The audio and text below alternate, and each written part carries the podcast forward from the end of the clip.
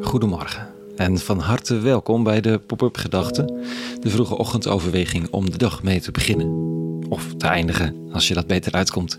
Ik ben Rico en ik schrijf ochtends tussen 6 en 7 een gedachte op basis van de teksten, zoals die in kerken over heel de wereld op deze dag gelezen worden.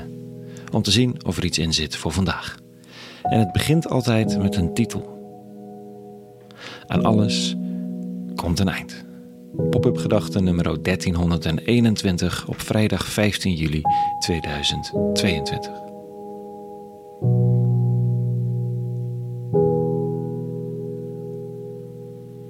Aan alles komt een einde. Behalve dan aan de pop-up gedachte. Tenminste, dat hoop ik.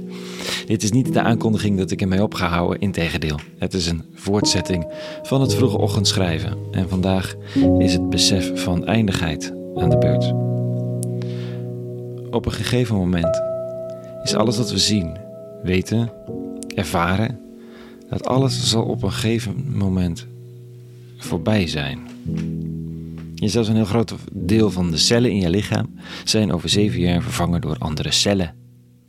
Zelfs de bouwsteentjes waaruit je als mens bent opgebouwd gaan voorbij. En dat nog voordat je zelf voorbij bent. Het huis waar je woont, de fiets waar je op rijdt, de grond waar je op staat, de stoel waar je op zit. Het plastic van de telefoon waarop je dit leest of luistert. Al duurt dat een eeuwigheid. Ook dat gaat voorbij.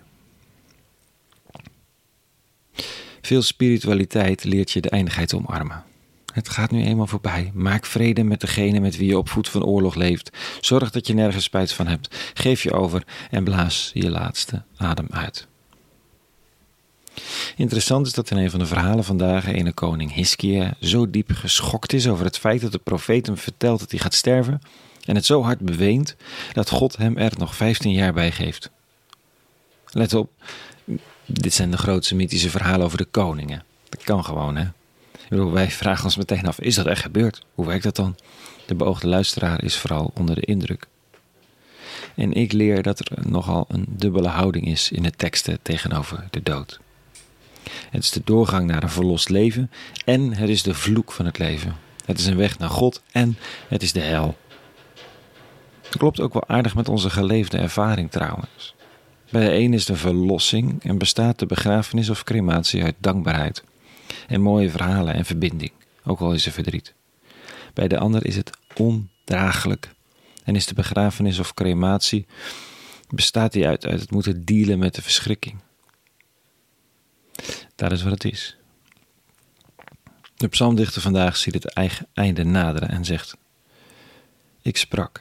In de bloei van mijn leven bereik ik de poort van het dodenrijk, beroofd van de rest van mijn jaren. Mijn woning op aarde wordt afgebroken en neergehaald als een herderstent. De wevers rollen mijn leven op en snijden mij vast af van de schering. Ik kan slechts leven door uw genade. Bij u alleen vindt mijn geest weer moed. Gij kunt mij genezen, mijn leven bewaren. Mooie zinnen over het loshalen van scheerlijnen en het oprollen van de tent. En verzet. De wil om te leven. Het God herinneren aan de mogelijkheid op langer leven.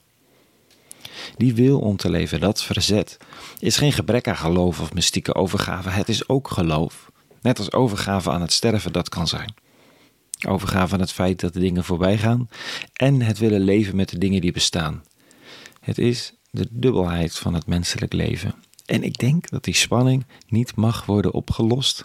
Dat we daar middenin staan, met heel ons hebben en houden. Dus jij dan mijn leven door genade moet vinden om dat aan te gaan. De momenten van het leven ontvangen als cadeau, de pijn die erbij hoort niet verheerlijken en niet vermijden. En ruimte vinden in je ziel voor het liefhebben. Want liefde omarmt en weet dat het los moet laten. En doet dat in liefde. Maar de pijn is er niet minder om, want de liefde heeft lief. Ik ben dankbaar voor het realisme vanochtend. Het besef van eindigheid en het verlangen naar heelheid en omarming van dat wat er is. Daarmee maar het weekend in dan. Een hele goede vrijdag gewenst. Maandag weer een nieuwe pop-up gedachte, hopen we. En voor vandaag en dit weekend vrede gewenst. en alle goeds.